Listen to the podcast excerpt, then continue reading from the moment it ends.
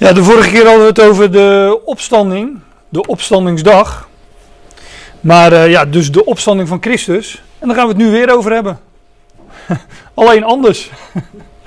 Want de schrift staat natuurlijk vol met, uh, met allerlei beelden.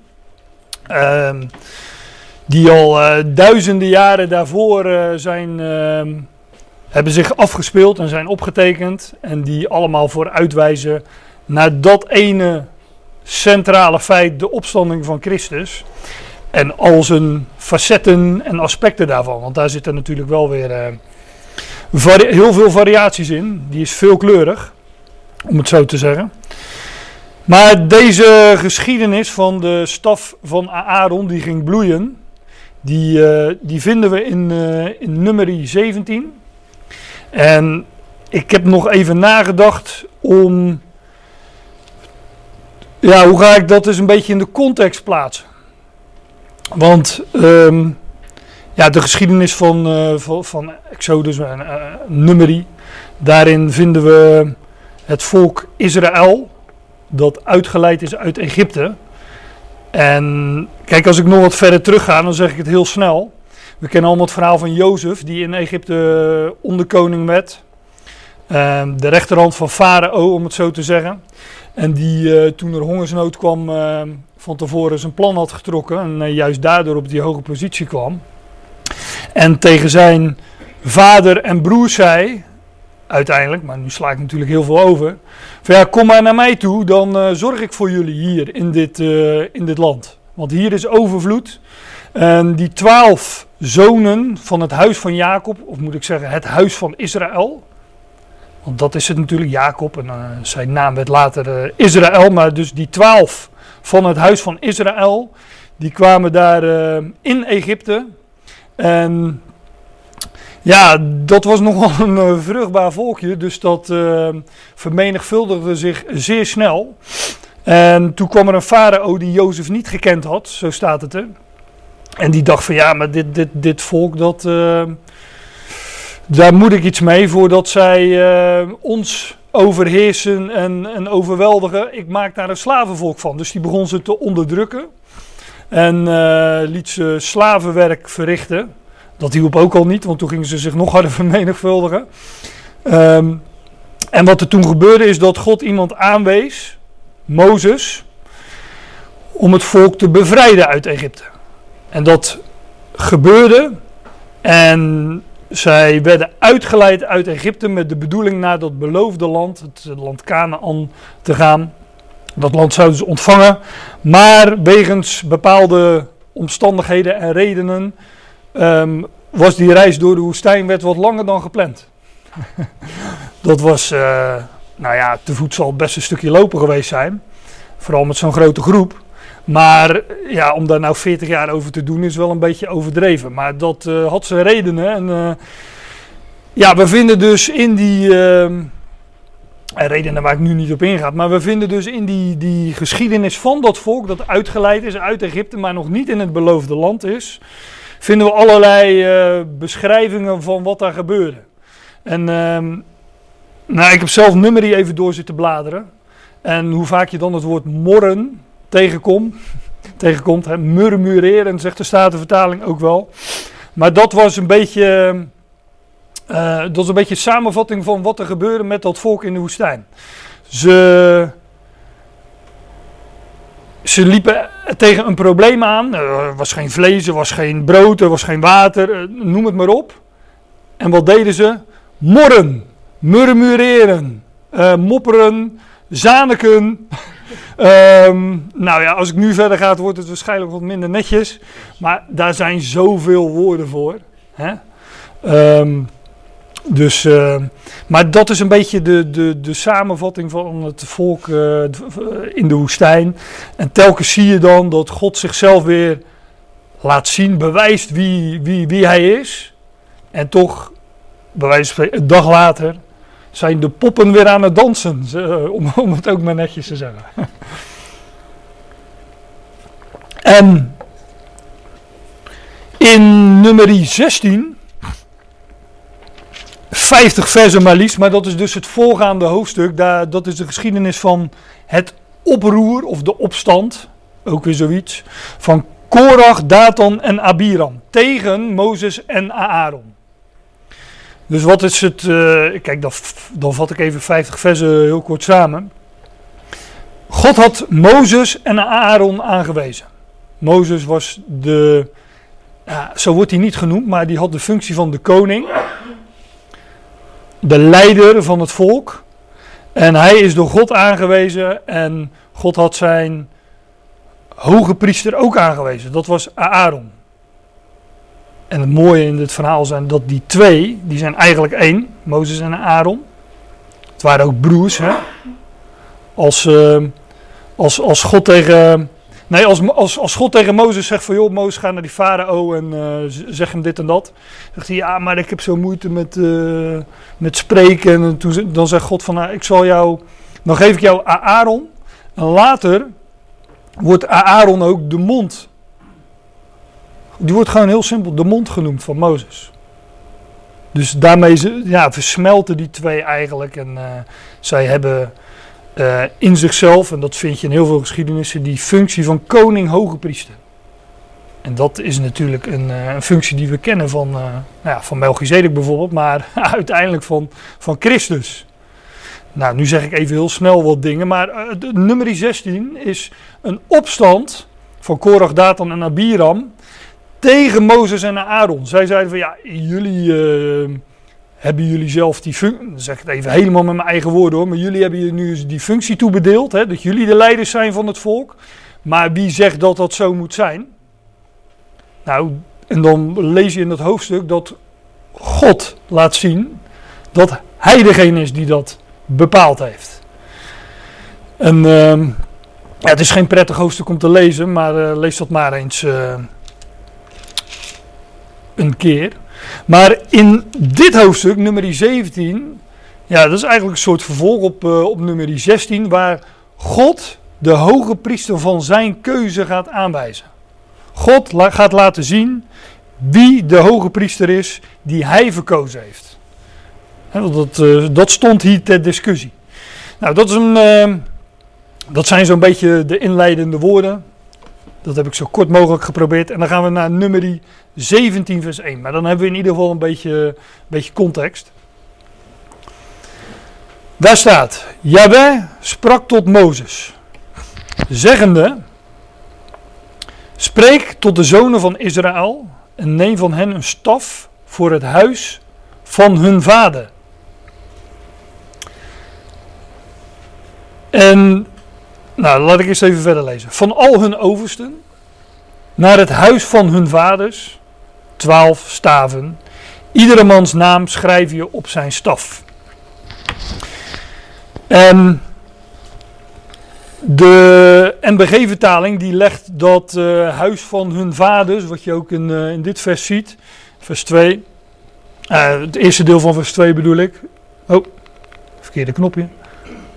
Um, staf voor het huis van hun vader, daar, daar zegt de MBG naar hun stammen. Maar uh, het huis van die vaders, daar, daarom zei, noemde ik net even wat uh, geschiedenis. Die vaders, dat zijn Ruben, Simeon, Levi, nou, uh, noem ze maar op. Zebulon. Ja. Jozef, Isaschar. Maar dat zijn die twaalf zonen van Jacob. En dat zijn gewoon, daarom hebben we het ook over stamvaders. Dat zijn dus de stamvaders van de twaalf stammen van Israël. Maar eigenlijk zijn het gewoon uit de kluiten gewassen families, hè, die stammen.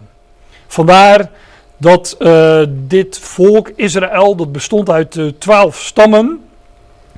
En dat huis van hun vaders, ja, dat is dus eigenlijk een synoniem voor die stammen. Maar ik, ik noem dat nu even, omdat dat het uh, wel een beetje verduidelijkt.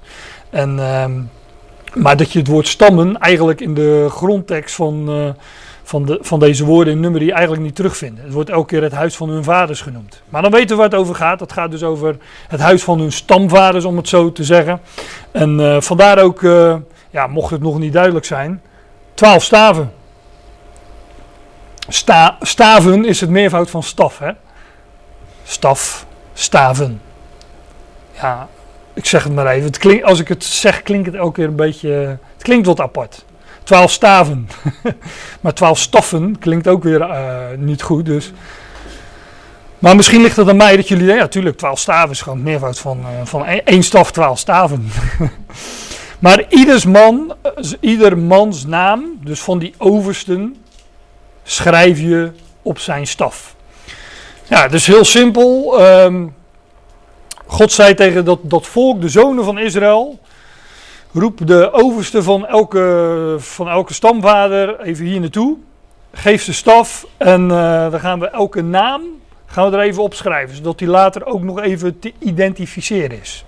Dan uh, de stam van Ruben, de stam van Simeon, de stam van Levi, Juda enzovoorts. Tot, totdat je aan de twaalf komt. Een staf, ik ga het op voorhand zeggen, is bedoeld, dat is met een D aan het einde, is bedoeld, hè? is bedoeld om op te staan, om op te staan, om staande te blijven. Dat is waar een staf voor bedoeld is. ja, daar, leun je op. Daar blij, om staande te blijven, om vast te staan, maar ook om op te staan. Ja, wij zien dat tegenwoordig niet zoveel meer, maar uh, uh, je ziet nog wel eens uh, wat oudere mensen met een stok lopen of met, hoe heet die dingen? Een rollator, ja. Dat, is zijn, dat zijn de moderne staven een beetje. Maar om dus om staande te blijven of om op te staan. En ehm, ja, dat verklaart ook al meteen wat de betekenis is van een staf. Dat heeft met opstanding te maken. Met staande blijven. Met vaststaan. En dan wil ik jullie ook op voorhand, voordat we gaan zien wat hier met die staf gebeurt, even op een aantal sch uh, schriftplaatsen, een, excursie, uh, een excursietje gaan we doen om eens te kijken waar komt die staf nou nog meer, waar komt die staf nou nog meer in de schrift voor. En het zal je gedacht zijn hoe vaak dat is. En ik heb er een paar. En uh, aan het eind laat ik jullie nog een paar plaatjes zien. Die kan je zelf dan op gaan zoeken. Maar uh, ja, daar gaat een sprake van uit. Als je een staf vindt in de Bijbel, dan wordt die niet voor niets genoemd. Dat, dat, dat, dat, dat heeft dus met opstanding te maken, met staande blijven. De, de, ja, ik, ik, kijk, ik had ook naar Genesis kunnen gaan, maar ik, uh, ik, deze staf, die, daar hebben we het over. Dat is de staf van Aaron, dus die, uh, die wil ik dan ook wel even noemen. Maar die kwamen al eerder tegen in Exodus. Exodus 7. Toen kwamen Mozes en Aaron bij de farao. Die Mozes en degene waarvan God zei tegen Mozes: ik, zou, ik zal jou een mond geven. Nou, Aaron was degene die sprak. Toen kwamen Mozes en Aaron bij de farao en deden precies zoals Yahweh geboden had. Aaron wierp zijn staf neer voor de farao en voor zijn dienaren en dat werd tot een slang. Ja, dat moesten zij dus doen om uh, die farao te overtuigen, laat mijn volk gaan. Maar de farao op zijn beurt riep de wijzen en de tovenaars, en ook zij, de Egyptische magiërs, deden met hun bezweringen hetzelfde. Dus die gooiden ook gewoon een staf op de grond en dat werden slangen. Dat waren geen koekenbakkers hoor, die, uh, die magiërs die, uh, die, die, die, die daar bij de, bij de farao aan het hof. En we vinden de, de, die dat soort uh, tovenaars, magiërs, die vinden we wel vaker in, in de schrift. Bij, bij het hof van, van Nebukadnezar, hè, met, met, met, met Daniel. Maar dat, ja, dat, waren, dat, dat, dat waren geen illusionisten in ieder geval. Dat waren, die, die konden echt iets. Die konden echt blijkbaar bepaalde machten oproepen om dit soort ja, trucs, kunstjes uit te voeren. Dus dat waren echt magiërs. Overigens moet ik er dan bij zeggen, wat dacht je van uh, de toverstok of de toverstaf? Waar die nu nog steeds gebruikt wordt als iets waarmee dingen tot stand worden gebracht die naar de mens onmogelijk zijn. Die zeggen ja, dat is occult, maar ja, hoe, ja, dat zal wel, maar hoe komen ze eraan? Hoe komen ze eraan dat zo'n stok, stokje of een staf een betekenis heeft dat, dat iets tot stand kan brengen wat, waar de mens niet toe in staat is? Omdat het een, ja, abracadabra, ja. Hocus pocus. Maar omdat het een beeld is, een, een, een, een embleem van opstanding. iets wat buiten de menselijke mogelijkheden zich afspeelt. En daarom is zo'n toverstok, ja, dat is natuurlijk uh, surrogaat of verbasterd, hoe je het ook wil noemen. Uh, een aftreksel van. Maar dat heeft wel een oorsprong. Vroeger wisten die mensen blijkbaar uh, daar nog iets van, van die symboliek. maar Aaron wierp zijn staf neer, dat werd een slang. En die Egyptische magisch deden hetzelfde. Maar, ieder wierp zijn staf neer, ze werden tot slangen. Maar de staf van Aaron verslond hun staven. ja, leuk hè, de staf verslond hun staven. Maar wat er in, voor hun ogen gebeurde was dat die slang van Aaron, die, wat eerst een staf was, die slangen, die andere slangen verslond. En die, die staf is natuurlijk een beeld van opstanding. Maar die slangen, die, die slang van Aaron is een beeld van Christus. En de, die, al die andere slangen, dat is gewoon, die zijn gewoon een uitbeelding van de, de overheden en machten uh, ja, van, de, van de duisternis. Want wij, kijk, wij kennen de slang uit de hof. Hè? Dat was, uh, dat, de, de, die wordt in uh, openbaring genoemd de slang, Satan, Diabolos. Um, er was er nog een. Maar de duivel, de, de Satan, de, de oude slang. Hè? Maar wij kennen. Kijk, de slang is, de, is, dat, is dat dier wat kruipt door het stof. En daarmee is hij een uitbeelding van de, van de heerser over het stof, van deze aarde.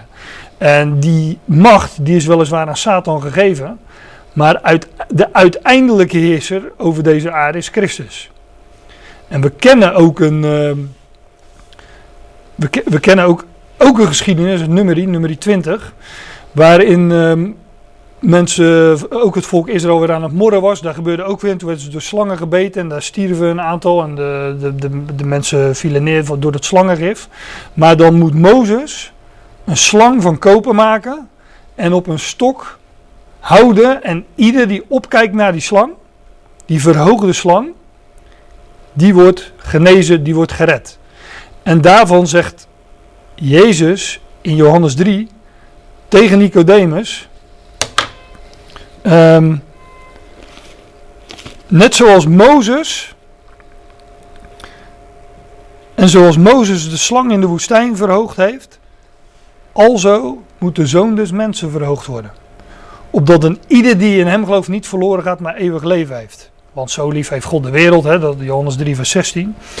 Maar de Heer zegt daarmee tegen Nicodemus, die verhoogde slang is een beeld van de verhoging van de zoon des mensen. En uh, ik heb straks een, uh, in mijn samenvatting waarin ik zeg van nou, er zijn nog een aantal geschiedenissen met, uh, met, met, met, met, met, met, met staf. Daarvan heb ik ook een plaatje van die, van die, van die koperen slang. Zoek die geschiedenis maar eens op. Die verhoogde slang is een beeld van Christus. Ieder die op hem ziet, zal niet verloren gaan, maar eeuwig leven hebben. en dan moet je dat eens opzoeken op, uh, op internet. Wat men dan meestal doet, is men maakt een stok met een, uh, met, met een dwarsbalk. En daar laat men die slang dan omheen draaien. En dan zegt men, ook op de website waar ik, waar ik heel vaak plaatjes vandaan haal, deze, freebibleimages.org. Daar zegt men, ja die verhoogde slang, dat is een beeld van Jezus aan het kruis. Maar weliswaar hing Jezus daar een paar centimeter of misschien uh, uh, een paar meter boven de grond aan het kruis. Maar dat was niet zijn verhoging. Dat was zijn uiterste vernedering. Ver, hij is vernederd, de, hij is de mensen gelijk geworden, heeft zichzelf vernederd en is gehoorzaam geworden tot de dood. Ja, de dood van het kruis, zegt Filippenzen 2. Zijn verhoging is zijn verhoging aan Gods rechterhand. God wekte hem op en zette hem aan zijn rechterhand in de hemel. En in ieder die in hem gelooft, ziet naar hem op. Aan de, aan de, aan de zoon, aan Gods rechterhand. En daar is die slang een beeld van. Dus die slang, dat is dus dezelfde slang, die koperen slang, als deze die al die andere slangen verslindt, teniet doet. Nou, dat wordt, uh, dat wordt hier uh, uitgebeeld. Ik ga snel verder.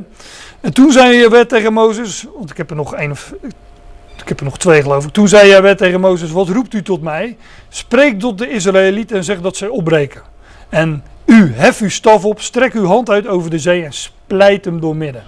Zodat de Israëlieten door het midden van de zee op het droge kunnen gaan. En hier is ook die, die, die staf een beeld van opstanding en van de wateren die wijken. He, door de wateren gaan is sowieso altijd een beeld van dood en opstanding. Dat is bij uh, Mozes zo, bij het volk Israël, maar ook bij Elia die door de Jordaan trok. En Elisa, die deed hetzelfde. Of de doop. Maar hier gaat het over een, uh, een staf die opgeheven uh, werd. Nou, als dat geen beeld van opstanding is. En dat volk van Egypte, ja, zij stierven ook in die wateren. Maar het volk van Israël stond als het ware op en kwam bovenaan het land weer aan. Dus daar is ook een staf. Ja, waarom die, waarom die staf genoemd wordt, is zou je voor het verhaal is het, uh, is het tamelijk overbodig. Maar toch wordt hier een staf genoemd. Ik heb er nog een. Dit is echt een mooie. Die is heel onbekend. Want ik ken hem, ik ken hem zelf ook niet, dus daar ga ik er maar vanuit dat hij uh, onbekend is. maar boven dit hoofdstuk staat Davids helden.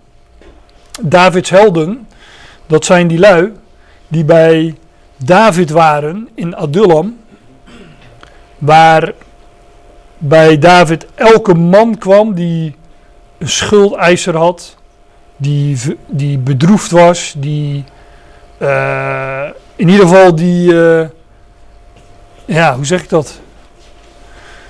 Die genade nodig had. En die, die, die, die kwamen bij David in Adullam.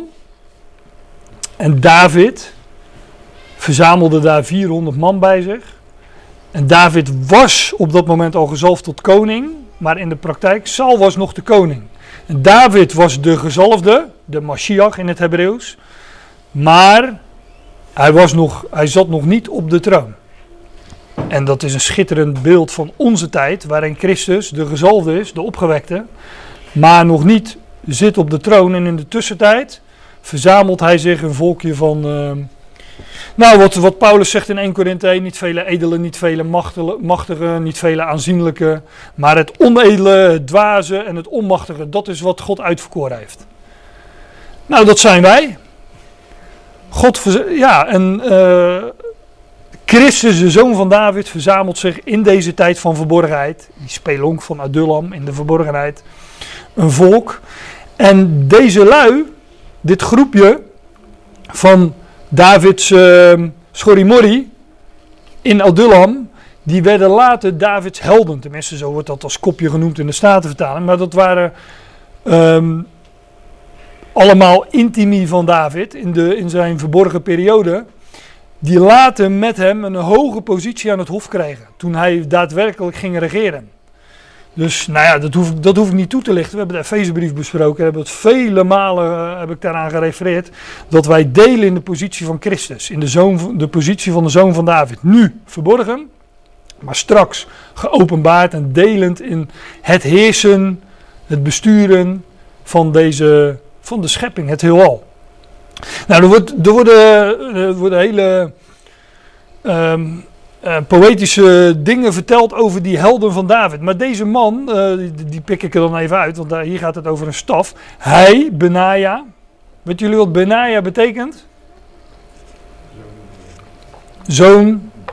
En Ja is gewoon een afkorting van Jehovah of Yahweh. Zoon van Yahweh. Nou, wie is de zoon van Yahweh? dat is Christus. Maar wij weten uit, uh, uit de Efezebrief dat Christus niet slechts één persoon is, maar een heel gezelschap, namelijk Christus en zijn lichaam. Wij zijn ook zonen van God. daartoe zullen we aangesteld worden. Ook Efeze, Efeze 1. Hij versloeg ook een Egyptische man. Een man van aanzien. In de hand van die Egyptenaar was een speer. Maar hij ging op hem af met een staf rukte de speer uit de hand van de Egyptenaar en doodde hem met diens eigen speer. In 1 Kronieken, daar staat hetzelfde beschreven. Daar staat, hij versloeg ook een Egyptenaar. Een man van grote lengte, vijf el lang. In de, Egyptenaar, in de hand van de Egyptenaar was een speer als een weversboom. Waar doet jullie dit aan denken? Een Goliath inderdaad. Die reus, die had ook een speer als een weversboom. Die was dan uh, iets langer nog, 6 L en een span. Maar Benaja ging op hem af met een, nou dit keer niet met een slinger en vijf stenen. Maar met een staf. Dat is net zo nutteloos als een slingertje met vijf stenen als je op een uh, reus afgaat zou je zeggen. Maar hij rukte de speer uit de hand van de Egyptenaar en doodde hem met diens eigen speer. Het is kort gezegd een beeld van de zoon van God die Satan die, die reus met die grote uh, mond, ja, die, uh, die verslagen wordt met zijn eigen wapen. Want als hij wist dat de Heer zou opstaan, dan zouden ze de Heer de redelijkheid niet gekruisigd hebben, zegt Paulus ook in, ook in 1 Korinthe, 1 Korinthe 2. Dus hij werd verslagen met zijn eigen wapen, want dat is weer Hebreeën 2. Satan is degene die de macht van de dood heeft. En hij dacht van, nou, nu heb ik hem eh, te pakken, die Jezus. En ja, juist doordat hij gedood werd, kon God hem opwekken uit de dood en werd hij de eersteling van een nieuwe schepping. Nou, dat, uh, kijk, in die reus is ook nog een, uh, een natuurlijk een, een, beeld van, van die, nou ja, laten we het beest uit de zee noemen, of de mens de wetteloosheid in de toekomst, die ook door Christus, ja, en daar zijn wij bij, zeg ik dan maar, verslagen zal worden. Dus ik vond, ik vond dit een hele mooie. Hij ging, op hem, hij ging met, op hem af met een staf, gewoon op basis van de opstanding. En dan, uh, ja, dan kan je speren hebben als een weversboom, waarmee je normaal gesproken iedereen uh, een kopje kleiner maakt. Maar hij wordt verslagen met zijn eigen wapen. Heeft het ook nog een verband met uh, Mozes die een Egyptenaar doodsloeg? Ja, Mozes sloeg ook nog een Egyptenaar dood, ja. ja. Ja, ongetwijfeld. maar die had dat deed hij niet met een staf, dat deed hij met zijn blote handen geloof ik. Nou ja, ik moet verder. Voordat we. Want Mozes had ook vaak een staf bij zich. Maar uh, kijk, je, wat je gewoon eens moet doen als je dat interessant vindt. Is dat woord staf in. Uh, ik, heb, ik doe dat bijvoorbeeld vaak in uh, de website van de Statenvertaling. Het woord staf, dat is een woord wat vrij consequent vertaald wordt. En dan heb je alle schriftplaatsen in het Oude en Nieuwe Testament waar dat voorkomt. Nou, dan, uh, dan kom je er nogal wat tegen. Deze mag, mag niet ontbreken, Psalm 23. Al ging ik ook door een dal vol schaduw van de dood. Ik zou geen kwaad vrezen, want u, ben, u bent met mij. Uw stok en uw staf, die vertroosten mij. Dit gaat natuurlijk in de eerste plaats. David spreekt hiervan. Was, ook, was een herder, hij had ook een staf bij zich kom ik zo nog op. Da David, die, dit zijn woorden van David, maar die, dit zijn natuurlijk woorden die in de mond gelegd worden, ook weer van de zoon van David. Hij ging door een dal vol schaduw van de dood. En hij vreesde geen kwaad, want hij wist, God, Jawel is met mij, mijn vader is met mij. En hij zal mij opwekken, uw stok en uw staf vertroosten mij. Hij wist dat om de, hij heeft het de schande verdragen en het kruis veracht om de vreugde die hem voorgesteld was. Stok en staf vertroosten mij. Ja, en natuurlijk uh, kun je hier, je kunt hier natuurlijk ook een toepassing uh, op ons van geven. Hè? Dan, uh, al ging ik door een dal vol schaduw van de dood, ja, wij, wij leven met die dood. En met, met een, een schepping van vergankelijkheid of een boze aion. Nou, wij vrezen geen kwaad, want hij is met ons. En zijn stok en staf vertroost ons. De opstanding. Het is, ja, dat maakt alles anders. Nou, deze mogen jullie allemaal zelf opzoeken. Dat zijn er nog een paar. Ik, ik had eerst een hele rits dia's, maar daar ben ik in gaan knippen. Want ik denk, ja, daar, daar kom ik niet doorheen. Maar, maar um, wisten jullie dat? 1 Samuel 17 is dus de geschiedenis van David en Goliath. Dat toen David die vijf steentjes ging zoeken, dat, dat erbij staat dat hij dat deed met een staf in zijn hand. Ik wist het niet, maar dat kom je dan tegen. Jonathan met zijn wapendrager ja, die. Nou, ik zal de voorgeschiedenis uh, even laten voor wat het is. Maar die had ontzettend honger. En heel het volk had honger. Omdat zijn vader een vloek had uitgesproken. Dat zolang ik me niet op mijn vijanden gewroken zal hebben. mag niemand eten. Maar Jonathan, die had het niet gehoord. Dus die kwam een. Uh, wat was het, een honingzee tegen, lees je dan. En die doop zijn staf in de honing, at ervan en zijn ogen waren verlicht. verlichte ogen. Efeze 1, eh, wat was het? Nou, vers 13 geloof ik, 14. Daar is honing een beeld van. Het woord van God dat verlichte ogen geeft. En Saul was degene die, eh, beeld van de wet. Als ik me niet gewroken heb op mijn vijand, vervloekt is een ieder die uh, dan eet. Ja, de wet is een vloek. Nou, dat is dan even heel kort over die geschiedenis. Maar Joonton, ja, die wisselt niet, dus die at gewoon honing. En die kreeg verlichte ogen. Want dat heb je als je niet onder de wet leeft. maar uit genade, uit zijn woord. Nou, dit is die van nummer 21, daar heb ik al genoeg over gezegd. Maar wat dacht je van Genesis 48? Ik kon geen plaatje vinden van Jacob die de zonen van Jozef zegent. Leunend op zijn staf. Want dat vind je niet in Genesis 48, maar wel in het commentaar in uh, Hebreeën 11. Daar staat dat hij. Uh, kijk, dit is dus. Uh, um, dit is dus Manasse en dit is Ephraim. En die rechterhand, die zou op Manasses hoofd moeten liggen. Maar hij kruiste zijn handen. En zo kreeg Ephraim de eerstgeboortezegen. En wat Jacob hier doet, over het kruis heen zou je kunnen zeggen, de gekruiste handen, maar ook leunend op een staf, zegt Hebreeën 11, is profiteren over de toekomst. Over die zonen van Ephraim en eh, de beloften die aan hen gedaan zouden worden. En heeft alles met de natie te maken. Maar ook daar de staf. Gaat allemaal over de opstanding.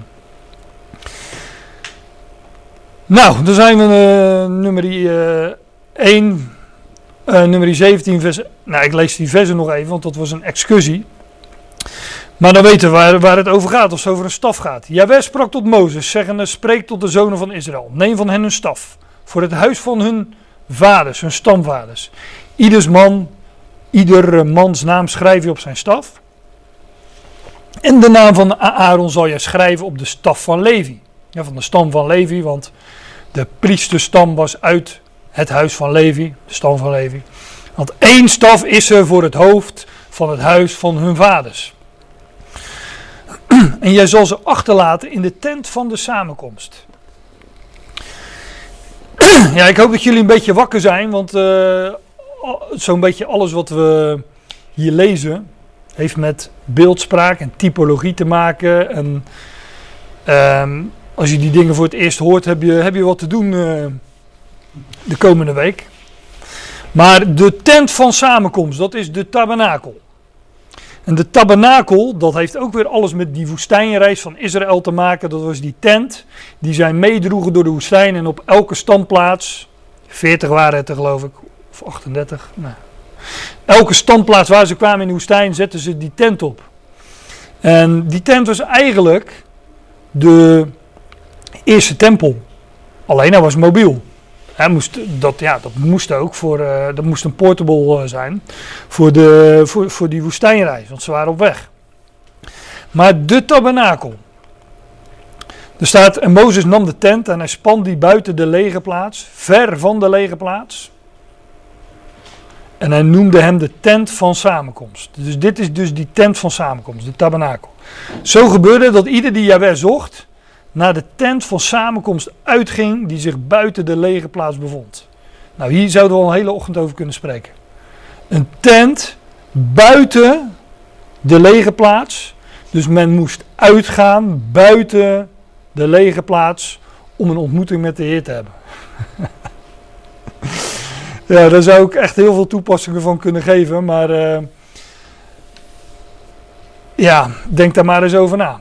Als je de Heer wil ontmoeten, moet je buiten de gevestigde orde zijn. buiten deze wereld, maar ook buiten het systeem. Buiten het, buiten het christendom, laat ik het zo maar zeggen. Buiten godsdienst. Daar is hij. Je zal ze achterlaten, dus die staven werden achtergelaten in de tent van samenkomst. Dus in die tabernakel, maar ook nog op een specifiek, specifieke plek. Voor de getuigenis. Tot gezicht van, hè, dus uh, voor het aangezicht van de getuigenis. Waar ik u ontmoeten zal. De getuigenis, dat, uh, dat zijn de stenen tafelen, maar die stenen tafelen die waren weer in de ark van het verbond gelegd. En die stenen tafelen die kennen we natuurlijk, hè, dat waren de woorden Gods. Maar ja, die ark van het verbond, dat is in al zijn aspecten een type van de opgewekte en verheerlijkte Christus. Hij was van puur goud. Daar was een verzoendeksel was er op die ark. Maar die stenen tafelen waren in die ark van getuigenis gelegd. Zoals de Heer dat woord van God in zich bewaarde. was geschreven in zijn hart. En ook de staf van Aaron, die we hier, die daarom is die geschiedenis, ja, die, die, die, die is belangrijk, die we hier bespreken. Die staf van Aaron kreeg ook een plekje in die ark van het verbond. Of ernaast, dat, dat, uh, uh, de verschillende meningen over. In ieder geval op de plek waar ook die ark van het verbond stond. En die ark werd dus ook de ark der of de ark van de getuigenis genoemd. Omdat die, getuig, ja, die, die getuigenis, die woorden van God, waren daarin aanwezig. Maar ook die, die staf van Aaron werd later tot een getuigenis. En uh, de kruik met manna, ook weer een andere geschiedenis, die werd ook tot getuigenis in die uh, ark gelegd. nou, ik geef straks even een plattegrondje van die tabernakel voor de duidelijkheid, voor degenen die dat uh, minder op het netvlies hebben. Maar dat was een tent. Heel simpel. Maar een tent met twee vertrekken. Eén gordijn kwam in bij het eerste gordijn kwam je uit in een uh, grote, groot vertrek, het heilige. Maar achter het tweede voorhangsel was de tabernakel of tent die het heilige der heiligen wordt genoemd. Het kleinere kamertje kleinere tentje, hè? kleinere vertrek. Met de ark van het verbond, dus Hebreeën 9 en uh, ik, sla hier een klein stukje over voor, uh, voor het gemak. Met de ark van het verbond, die geheel met goud overtrokken was. Dat zei ik dus al. In deze ark lagen de gouden kruik met het manna en de staf van Aaron. Dus daarom ja, deze geschiedenis, dat vind je nogal eens terug in de schrift van die bloeiende staf. Uh, dan moet je wel even weten waar die bloeiende staf vandaan komt. Dus vandaar dat we daar dan eens een keer uh, over hebben. In deze ark lagen de gouden kruik met manna. Nou, daar wil ik natuurlijk dingen over zeggen, maar dat doe ik nu niet. En de staf van de Aaron, die gebloeid had. En de stenen tafelen van het verbond. En in Exodus 26, er worden voorschriften gegeven om het uh, om die ark van het verbond te maken. En dan wordt, wordt die de ene keer de ark van het verbond genoemd, soms wordt gewoon de ark genoemd. Of, en hier de ark van de getuigenis. Omdat daar, ja, door die ark wordt al getuigd, maar door de dingen die daarin of bij waren, nog, worden die allemaal nog eens extra onderstreept en bevestigd. Jij zet het verzoendeksel of het, uh, ja, nou ja, het verzoendeksel, laten we daar maar op houden, op de ark van het getuigenis in het heilige der heiligen. En de Hebreeënbrief zegt dat het verzoendeksel een beeld is van de troon van de genade, waar Christus is gezeten. Dus dat is die ark van het verbond, dat is het vertrek waarin hij stond, het heilige der heiligen. En dat is waar die staf, die bloeiende staf van de Aaron, uiteindelijk ook terecht kwam, ook tot, tot getuigenis. Nou, dit is... Uh, die tabernakel, een dwarsdoorsnede daarvan.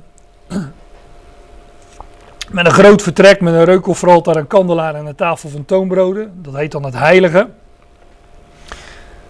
En dat kleine vertrek met het heilige der heiligen. En daarin was dus die ark van het verbond. En dat was het allerheiligste vertrek. En daarin had men geen toegang. Slechts één keer per jaar mocht daar de hoge priester komen onder strikte voorwaarden op grote verzoendag. Yom Kippur, ehm, de dag van bedekking. Nou, dat is dus uh, waar die staf uiteindelijk terecht kwam. Maar dat is ook de plek dus waar we lazen, van daar werden die twaalf staven neergelegd. God zegt, neem twaalf staven van elke stam één, schrijf die naam erop. Eén, en eentje is voor de, de, die van stam van Levi, daar schrijf je de naam van Aaron op.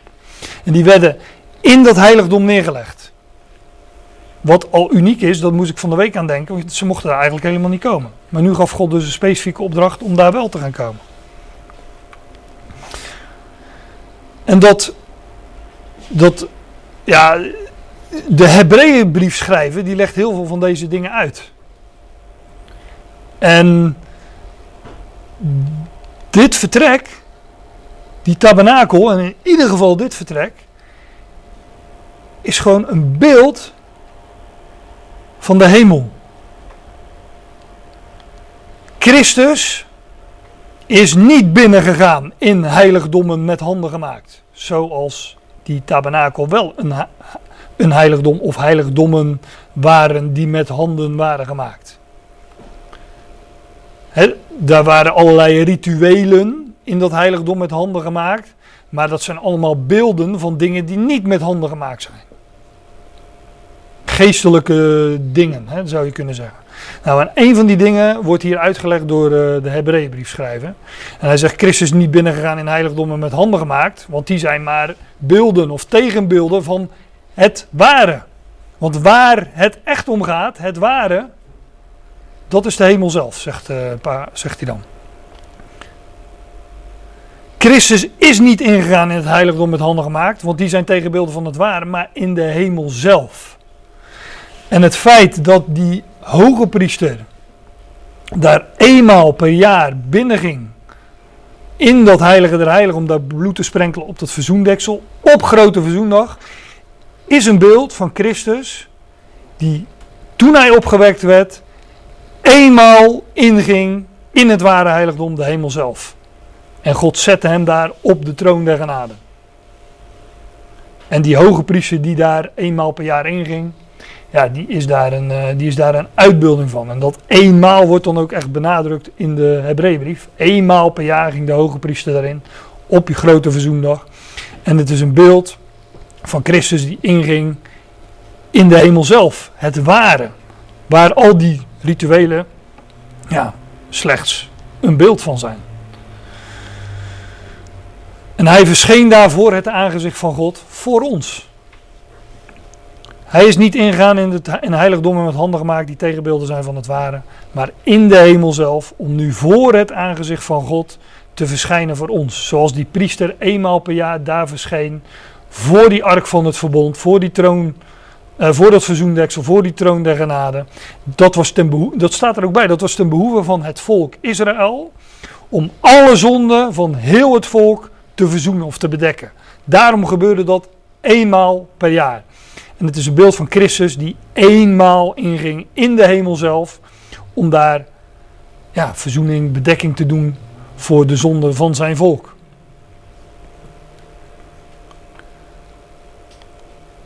En het zal zijn dat de man die ik verkies zijn staf zal uitbotten, zal uitlopen. Dus er werden twaalf staven daar neergelegd in dat heiligdom. En God zegt, degene die ik kies, die dode stok, die staf, hè, die afgeknipte tak of uh, uh, ja, die afgeknipte tak waar geen leven meer in zit, die verdroogd, uh, dood, dor. Daarvan zal ik er één laten uitbotten, uitlopen, uitgroeien. Dus een dode tak ontvangt nieuw leven.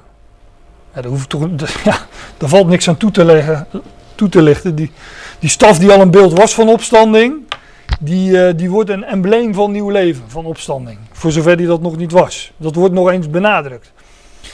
En, en, en ik zal het gemor van de zonen van Israël over mij, waarmee ze tegen jullie morren, tot zwijgen brengen.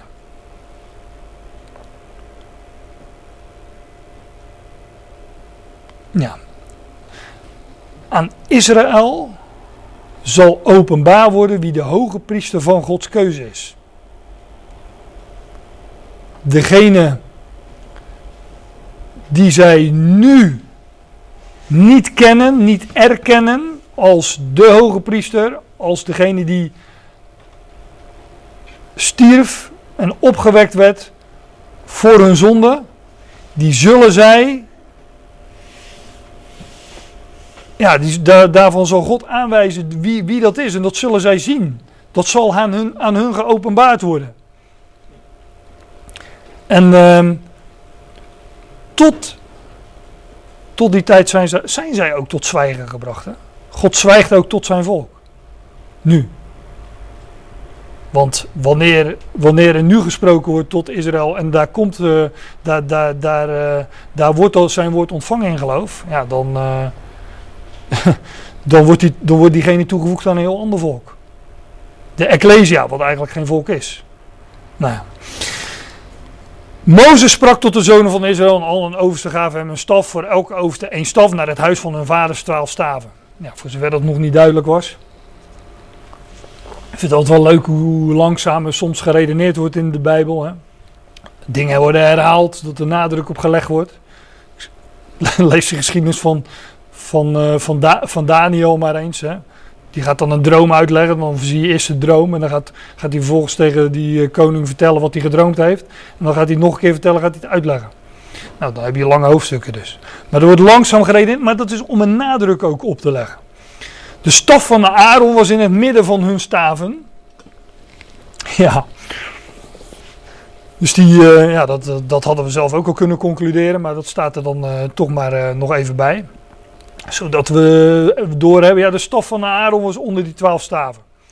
En Mozes laat de staven achter voor het aangezicht van Jahweh in de tent van de getuigenis. Nou, we weten waar dat is. In de tabernakel, voor de ark van het verbond of voor de ark der getuigenis in het heilige der heiligen. Een beeld van het ware heiligdom. En de volgende dag, ik denk s'morgens vroeg, de volgende dag komt Mozes in de tent van de getuigenis en aanschouw. We hadden het vorige week over Johannes 20. En op de eerste van de Sabbat, of dag 1 van de Sabbatten, uh, de eerste van de Sabbatten komt Maria Magdalena vroeg in de morgen, terwijl het nog donker is, naar het graf. En zij ziet, aanschouw, dat de steen van de deur van het graf weggenomen is. De Heer was opgestaan. En Mozes die gaat hier ook iets zien, iets aanschouwen. De volgende dag komt Mozes in de tent van de getuigenis en aanschouw. Ja, oh, nou, dat moet ik er ook bij zeggen. Wat, wat er buiten het oog van Israël gebeurde. In de nacht was, maar nu loop ik vooruit op het verhaal, was dat die staf was gaan bloeien. Er was in de nacht, terwijl die staf in dat heiligdom was, was die staf gaan bloeien en had vrucht voortgebracht en amandelen enzovoort, dat lezen we straks. Maar die staf was gaan bloeien, dus buiten het oog van Israël was er leven, opstandingsleven. En dat gebeurde allemaal in de nacht. Maar de nacht is in de schrift een beeld van onze huidige tijd. En Paulus zegt dan ook, de nacht vordert en de dag nadert. Want de dag van Jahweh, de dag van Christus, die zal straks aanbreken. En dan zal uh, de zondergerechtigheid opgaan over Israël. Dan zal de dag aanbreken en dan, dan zullen zij ook inderdaad die bloeiende staf gaan zien. Of dan zal de hoge priester ook aan hem verschijnen. Dan zullen zij zien wie hun hoge priester is. Maar dat is hij nu al. In de nacht. En dat, ja, maar voor Israël is voor Israël dus verborgen. Maar wij leven in het licht. Ook Efeze. Ontwaak gij die sta, slaap, sta op uit de doden en, uh, nou, enzovoorts. Maar de, de, Efeze, ja, Efeze 5 over licht.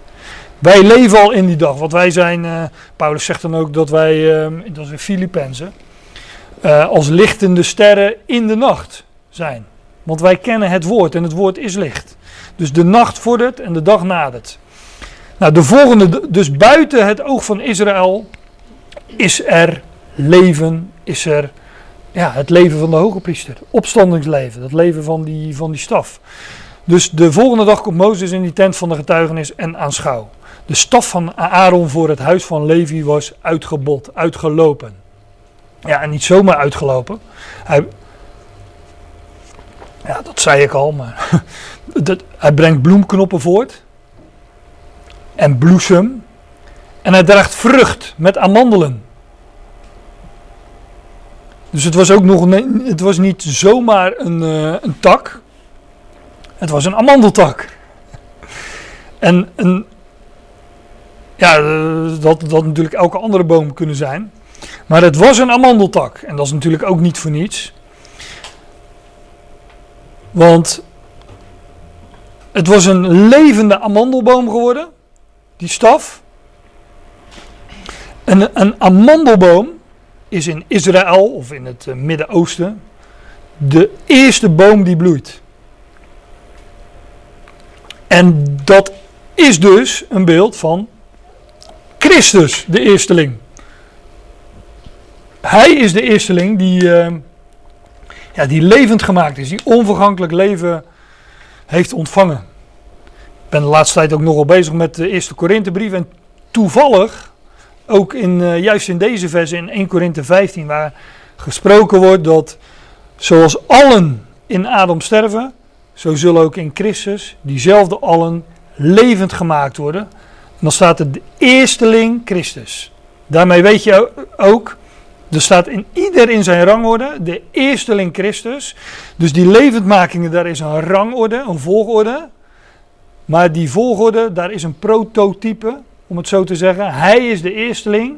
En allen die in Adam sterven, zullen dat leven wat hij nu al heeft ontvangen als eersteling ontvangen. Maar in ieder in zijn volgorde. Dus daar is een rangorde. Vorige keer hadden we het over de oogst, hè, de eerstelingenschoof. Maar ja, daarna de, de gestenoogst, de tarweoogst, al die oogsten, alles wordt geoogst. Maar alles op zijn tijd. En dat is, uh, hij is daarvan de eersteling. Maar de boom die als eerste bloeit in, uh, in die, die regio, dat is de amandelboom. Ja, dat is daarmee natuurlijk een schitterend type van Christus, de eersteling, die als eerste nieuw leven ontvangt.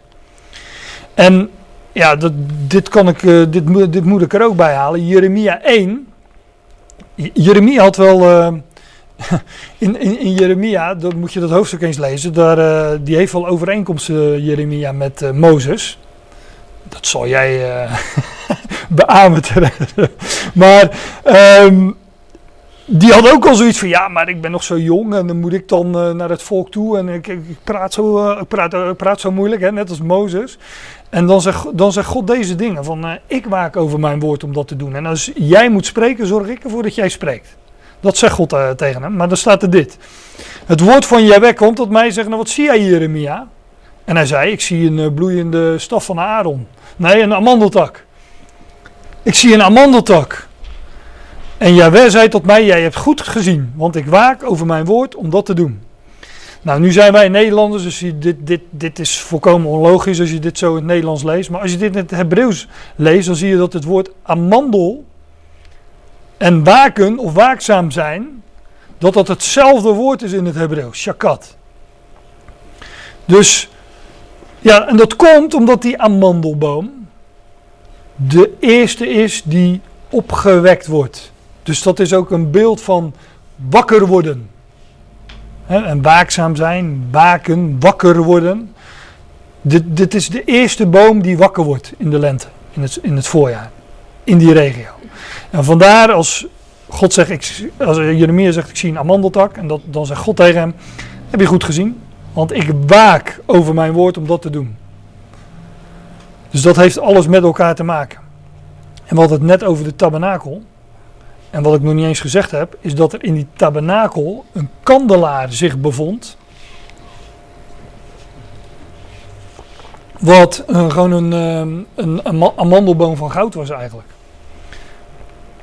Want ik weet het hoofdstuk niet uit mijn hoofd. Ik heb er wel eens bijbelstudies over gegeven. Maar uh, Exodus 5, 26 daar in de buurt, daar wordt het beschreven hoe die, hoe die attributen van de tabernakel gemaakt moesten worden. En dan lees je dat er, uh, dat zie je op dit plaatje niet zo heel goed hoor, maar er zaten allemaal blaadjes op, knopjes en amandelen. Nog een bepaalde hoeveelheid ook, die klopt ook precies. ik had het even op moeten zoeken, maar uh, dat uh, ben ik vergeten.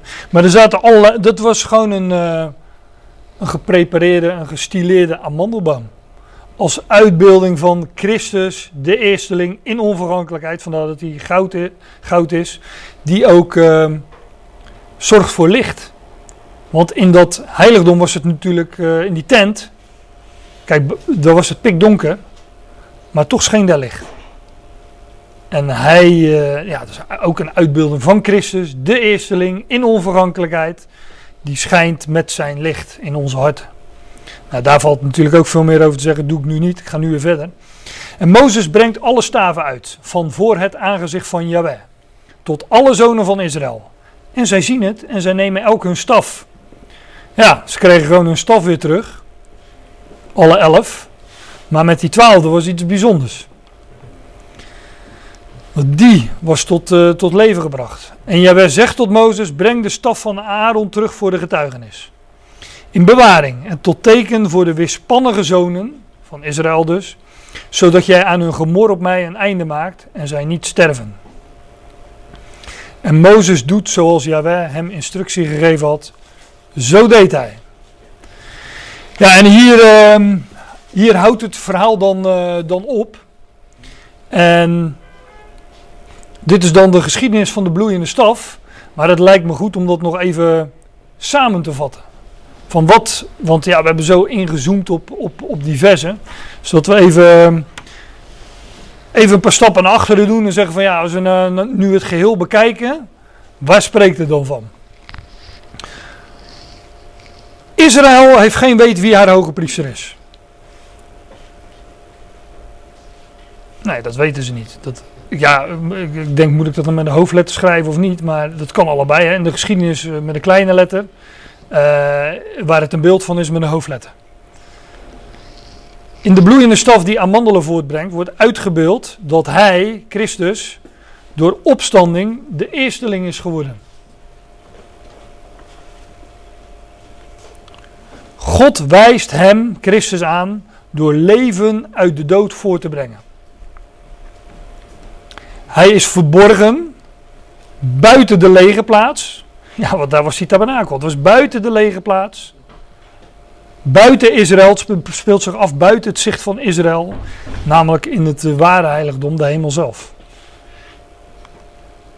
En hij is, terwijl het in de wereld nacht is, is hij in het hemels heiligdom. Overigens, die hoge priester die op grote verzoendag in dat hemels heiligdom was, die is daar ook een uitbeelding van. Hè? Die is buiten het zicht van Israël. En uh, ja, ze, zagen hem niet meer. En het was ook altijd maar de vraag of hij terugkwam. Want er moesten allerlei. Die rituelen moesten volgens bepaalde eisen voldaan worden. En als dat niet gebeurde, zou de hoge priester sterven, staat er ook bij. Dus dat, uh, dat, dat was altijd maar de vraag of hij terugkwam. En, en als hij dan terugkwam, kwam die hoge priester uit het heiligdom en zegende het volk. Nou, straks zal de Heer uit het ware, dat waar het, eh, dat heiligdom met handen gemaakt een beeld van is, het ware heiligdom, uit de hemel terugkomen, zijn voeten zetten op de olijfberg en hij zal het volk zegenen. Maar tot die tijd is het nacht in de wereld. En hij wacht totdat. Hij zit daar aan Gods rechterhand totdat. Maar dat is weer Psalm 110. Wanneer de dag aanbreekt, zal de bloeiende staf uit het heiligdom komen. Dan zal Israël duidelijk worden wie de door God verkozen hoge priester is. Maar wij mogen dat nu al weten. En, ja, en daarom komen we hier ook bij elkaar. Om dat soort uh, beelden met elkaar te, bespreken en te delen. En uh, zien hoe God van begin van de schrift tot, tot het einde spreekt van degene die komen zou. En die hij opgewekt heeft uit de dood. En wij, um, hij is de eersteling, maar wij zijn straks de eerstelingen die hij tot zich vergadert. En dan, ja, dan zal hij al zijn vijanden onderschikken en alle vijandschap te niet doen. En uh, dan zal deze hele schepping aan hem onderworpen worden. En ook Israël, hè, dat is de volgende in de rij. Na, na de Ecclesia, dan Israël en dan de volkeren. Wat een, uh, maar wat een geweldig voorrecht om dat nu al te mogen weten. Hè. Levend in de nacht, maar weten hebben van het licht. Amen, daar laat ik het bij. En ik sluit af met een. Uh, ja, we waren, ik was zo in Hebreeën bezig dat ik uh, af wil sluiten met ongeveer de slotwoorden uit Hebreeën. Hebreeën 13, het laatste hoofdstuk, ongeveer de laatste versen, niet helemaal. Maar er staat nu de God van de vrede.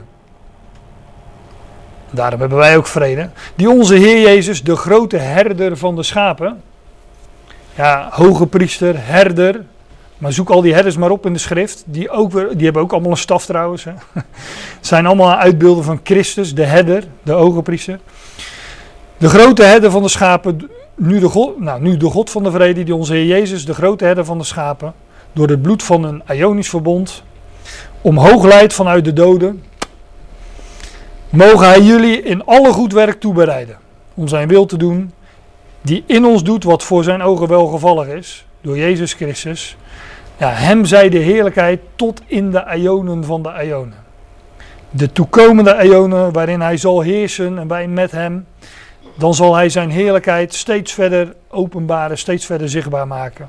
Ja, wat heet wij, wij zijn daarin betrokken. Wij, mogen daarin, wij worden daarin betrokken. Wat een, rijkdom, wat een genade. En uh, daar danken we hem voor. Amen.